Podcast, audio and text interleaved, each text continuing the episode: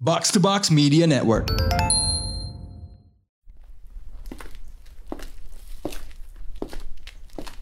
Biasanya kalau lo mau ngekos, hal apa sih yang akan jadi pertimbangan lo? Pasti yang pertama harganya kan, baru pertimbangan lain kayak jaraknya sama kantor atau kampus, fasilitas pendukung kayak wifi, atau yang paling klasik, kamar mandi dalam. Gak jauh beda sebenarnya sama pertimbangan para pendiri bangsa kita yang ngekos di satu tempat yang sama. Episode ini akan membahas rumah milik guru bangsa Haji Omar Said Cokro Aminoto. Bersama gue, Mutia Wiro Sastro. Selamat datang di Podcast Sejarah.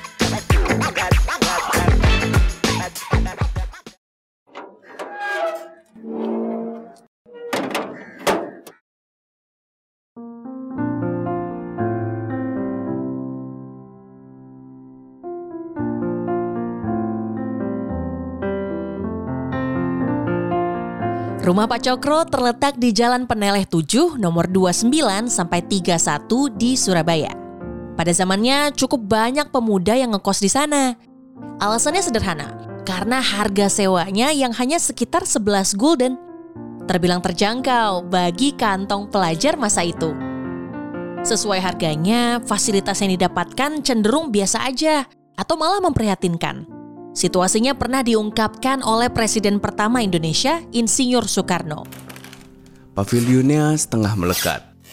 Kemudian, tiap ruangan dibagi menjadi 10 kamar-kamar yang ukurannya kecil, termasuk ruang loteng. Keluarga Pak Cokro tinggal di bagian depan, sementara yang menyewa tinggal di belakang. Bung Karno juga menyebut semua kamar di kosan Pak Cokro sama buruknya tidak ada kasur yang tersedia, dan para penyewa harus terima tidur beralaskan tikar pandan. Kepada Cindy Adams, Bung Karno menyebut kamar yang dihuninya dulu kondisinya sangat gelap karena tidak ada jendela. Bahkan Soekarno terpaksa menghidupkan lampu saat siang hari. Mungkin Pak Cokro kalau melihat akan menegurnya nih. Matikan lampu dan air, nyalakan api perjuangan. Sebab saat itu Kosan Pak Cokro jadi tempat berkumpul banyak aktivis pergerakan yang menentang kolonialisme Belanda.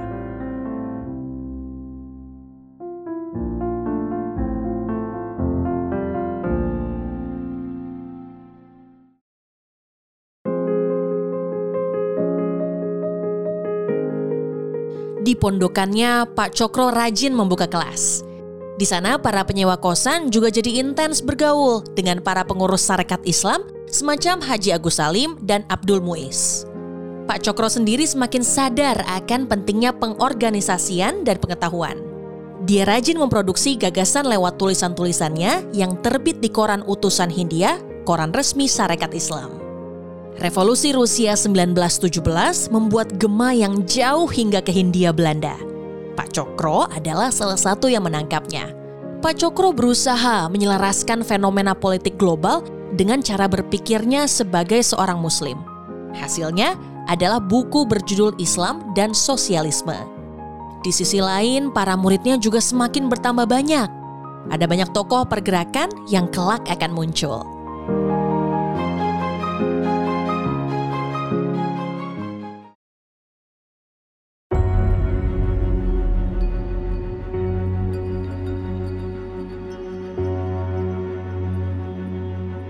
Ada tiga orang penghuni kos-kosan Pak Cokro yang kelak jadi tokoh ternama dan menghiasi buku sejarah Indonesia.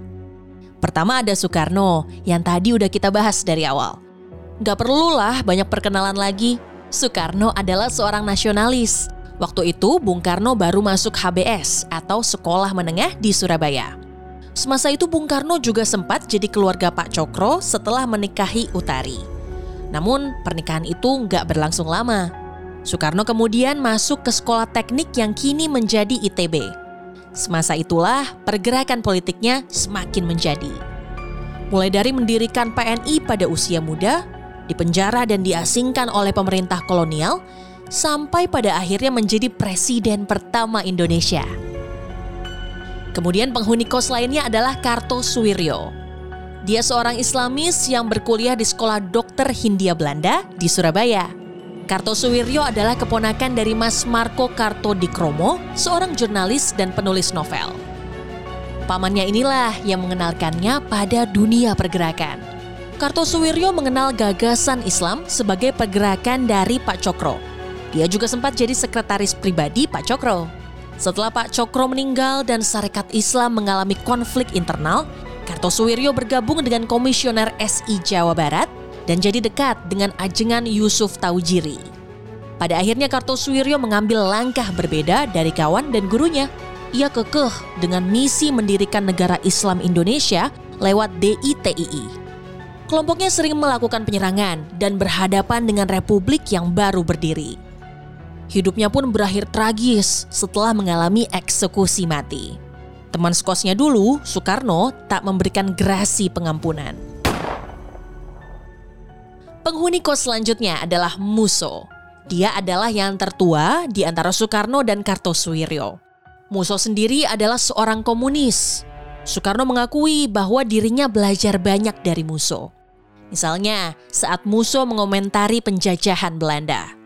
Penjajahan ini membuat kita menjadi bangsa kuli dan kuli di antara bangsa-bangsa. Perkataan itu selalu dikenang Soekarno, barangkali juga jadi awal mula keterlibatan dirinya dalam pergerakan.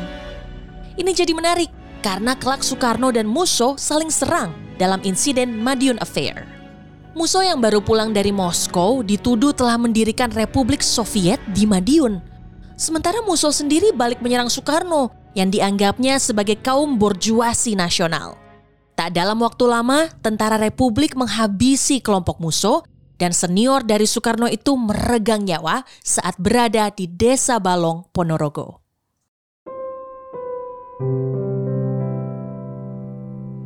Meski berasal dari satu rumah yang sama, pada akhirnya mereka bertiga menempuh jalan berbeda ketika pisah dari kosan Pak Cokro. Soekarno ke Bandung, Muso masuk penjara, dan Kartosuwiryo pergi ke Jawa Barat. Kosan Pak Cokro sendiri tutup pada 1921 setelah istri Pak Cokro, Suharsikin, meninggal dunia. Pak Cokro menikah lagi dan pindah ke Pelampitan. Beberapa tokoh juga mulai pergi seiring berjalannya waktu dan Pak Cokro pun meninggal dunia pada 1934.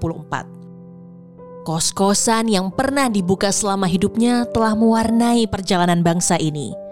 Sebuah rumah dengan satu guru dan beragam ideologi. Gue Mutiawiro Sastro pamit, nantikan episode podcast sejarah selanjutnya di Spotify dan platform podcast lainnya.